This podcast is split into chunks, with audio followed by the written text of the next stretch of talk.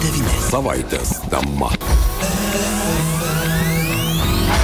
FM 99. Studija per mikrofoną Liudas Armanauskas, be jokios abejonės savaitės tema visame pasaulyje, visoje žiniasklaidoje, tai yra NATO samitas Vilniuje ir žinios pačios įvairiausios. Ukrainos prezidentas Volodimiras Zelenskis šiandien pareiškė, kad NATO viršūnės susitikime Vilniuje tam tikros formuluotės svarstomas be ukrainiečių ir sakė, kad tai yra ženklas, jog nėra pasirengimo pakviesti Ukrainą į alijansą, kitos šalis žada paramą. Na, o NATO samite dirba ir mūsų kolegė Vilija Kvedaraitė. Labadiena, gerbiama Vilija. Labadiena, Liudai, labadiena, klausytojai. Iš ties, atrodo, visas pasaulis čia susirinkęs, dabar vat, kaip tik prieš pat mūsų pokalbį Anthony Blinkenas duoda interviu Junktinių valstybių žiniasklaidai ir vėlgi paklaustas labai aiškiai kalbėjo ir apie Ukrainą, ir apie paramą ją ir priminė ir tai, kad ta prasme viskas, kad apie diplomatinės pastangas nėra ką kalbėti, nes Rusija nors ir šiandien gali sustabdyti agresiją ir tiesiog pabaigti karą. Tai čia, čia tam, tam nereikia kažkokių ypatingų diplomatinių pastangų.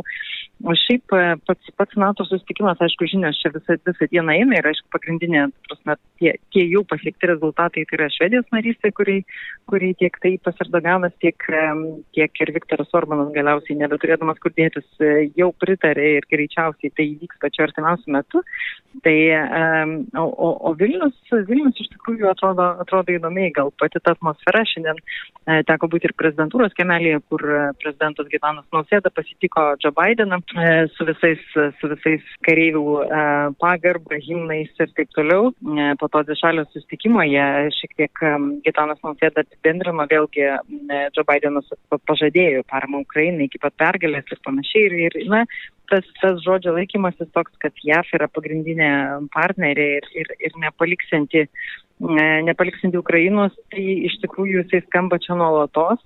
Aišku, pabaigsis visas tas tie pažadai ir koks tas pažadas Ukrainai, kokio tvirtumo bus čia ir klausimas, bet matyt, matyt visiškai nieko neturėtų baigtis, nes šiandien laukiama ir Vladimiro Zelenskio Vilniuje, o iš tikrųjų tai buvo tokia, tokia šaltiniai, kad, kad jeigu nieko nebus Ukrainai pažadėta, tai jis greičiausiai ir netvyks, kadangi jis atvyksta, na tai kažko tikėtis matyt galima, aišku, vėlgi ir Vokietija, ir Prancūzija žada papildomą paramą ir, ir, ir ginklais ir panašiai, tai, tai be, bet kuriu atveju šis beitas Ukrainai bus pažadėta. Na, reikia tikėtis, kad tai bus ir gerokai daugiau, ne, ne, ne vien tik tai tokia vienkartinė, vienkartinė parama, nesvarbu, kad ir karinė, bet iš tikrųjų Ukrainos tas tikimasi, tikimasi, tikimasi sulaukti pažado pačiai narystiai. Taip, be jokios abejonės, kad tai Ukraina galėtų pamatyti tą šviesą tunelio gale. Štai vokiečiai pažadėjo 700 milijonų eurų vertės karinę pagalbą. Makronas pareiškė, jog Prancūzija atsiūs Ukrainai ilgo nuotolių raketų. Joe Bidenas patvirtino, jog amerikiečiai ir toliau įsipareigojo dėl Lietuvos Baltijos šalių gynybos, o štai Zelenskis šiandien teigia, jog jis atvyks, kiek aš suprantu, iš šio pranešimo Twitter'e atvirai kalbėtis apie tai viršūnių sustikime Vilniuje, teikdamas, jog pradedama miglota formuluoti apie sąlygas net dėl Ukrainos pakvietimo, atrodo, kad tai nėra pasirengimo nei pakviesti Ukrainą NATO, nei padaryti ją alijanso nare. Citatos pabaiga ir anot Zelenskio tai reiškia, kad paliekama galimybė su Rusija dėrėtis dėl Ukrainos narystės NATO be ukrainiečių, bent jau kol kas. Tos formuluotės yra svarstomas, bet ko gero, čia irgi yra tam tikra prasme geopolitinis žaidimas. Ar Vilija turime žinių, kada Vladimiras Zelenskis gali pasirodyti Vilniuje? Tiksliai laikas nėra žinomas ir jisai greičiausiai nebūtų skelbiamas, bet jisai yra laukiamas šiandien pusė septynių vykstančiame renginyje, kur bus pasitinkama vėliava iš Bahmuto, kurią neša bėgikai ir kuris akmanį pro lytų prabėgo. E, ir, ir, ir, ir mes apie tai rašėm ir informavom. Tai šiandien pasitikimo renginys ir jame yra laukiamas Ukrainos prezidentas Vladimiras Zelenskis. Tai faktas, kad jisai iki to laiko jau e, nusileis Vilniuje. Aišku, tiksli valanda, tai nėra aiškiai. Kaip e, saugumo jausmas Vilniuje? Ne vieną kartą buvo sakoma, jog šiomis dienomis Vilnius yra pats saugiausias miestas pasaulyje. Kaip kolegos žurnalistai ir Vilija, jūs jaučiate tas saugumo patikras, ar jos iš tikrųjų labai griežtos? Jos iš tikrųjų tiesiog kaip jo ruosta, nieko labai kažko, kažko įspūdingo, bet tik tai tiek, kad tos teritorijos labai apribotos, visur, aišku, yra apsauga, visur savanoriai, visur, visur tik tai tam tikri takai ir tu ne, ne kur nori, bet ten, kur galima, tai tas yra tiesiog yra griežta tvarka.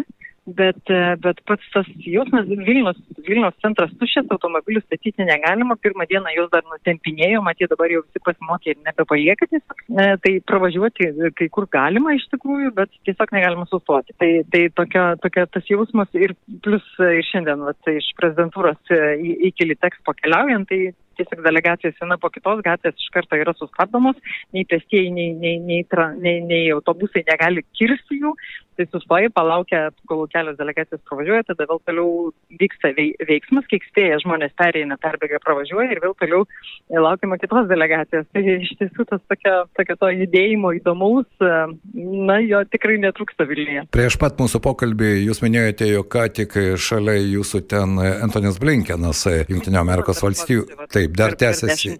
Taip, ir ar teko išgirsti, apie ką kalba jis? Taip, iš tikrųjų jis kalbėjo apie parmą Ukrainai, kalbėjo apie tai, kad uh, tikrai visokiais būdais uh, siekiama ir kad pati ginkluotė, kurie yra, palauk, judai dabar iš tikrųjų, vat, kaip tik pro mane praeina per kokius du metrus Antony Blinkenas su visa savo komanda uh, ir, uh, ir bėga pulkas žurnalistų, paskui uh, kalbėjo iš tikrųjų labai aiškiai apie, apie paramą Ukrainai ir uh, paklausęs apie, apie vidaus Ukrainos, apie vidaus Rusijos reikalus, apie Wagnerio grupuotės e, maištą ir, ir jis sakė, kad čia visiškai, na, ne mūsų reikalas, čia yra Rusijos vidaus reikalas ir tegul jie ten sprendžiasi, ne, nes ne, mums, mums tai neturi tiesiog rūpėti, mums reikia koncentruotis į pagalbą Ukrainai ir, ir tą ginkluotės, va, tą spragą užpildyti tarp to, ko, ko, ko, nespėja, ko nespėja, kas yra gaminama ir kas yra, sakykime, na, na, išnaudota ir jau gaminama ir kad iš, iš visų jėgų, kad nebūtų tos kilės tarp ginklų tiekimo Ukrainai. Aišku, ir dar vienas klausimas, esate dalyvavusi ne viename aukščiausio lygio tarptautinėme forume kaip žurnalistė. Ar darbo sąlygos kolegoms žurnalistams šiame NATO samite Vilniuje kuo nors ypatingos, ar žurnalistai aprūpinti visomis reikiamomis priemonėmis, kad galėtų dirbti ir informuoti? Iš tiesų, taip gana primena, primena ES viršūnių susitikimą, kai būna, tai tiesiog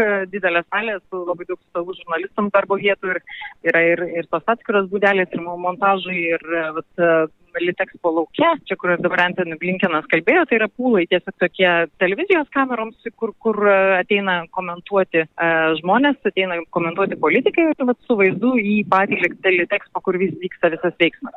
Ten vaikščioti laisvai negalima, ten bus galima įeiti, kai kažkas tai vyksta ir kažkoks tai ar spaudos konferencija, ar kažkoks renginys, tai tada, tada tik tada, kai galima, irgi negali taip uh, laisvai bėgioti, kur, kur šauna galva, bet tas pirmasis pastatas atėjus nuo E, sustojimo.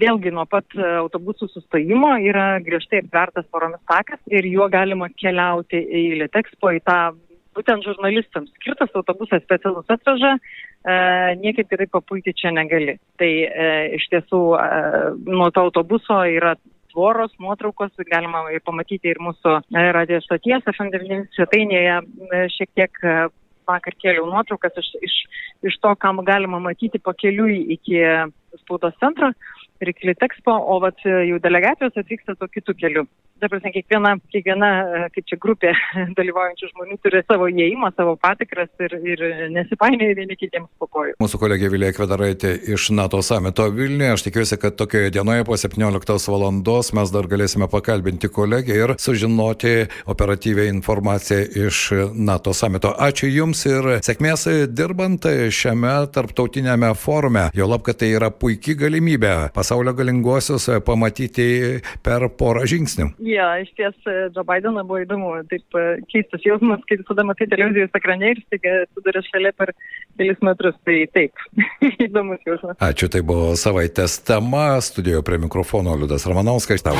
Radio stotis FM99. Šios savaitės tema.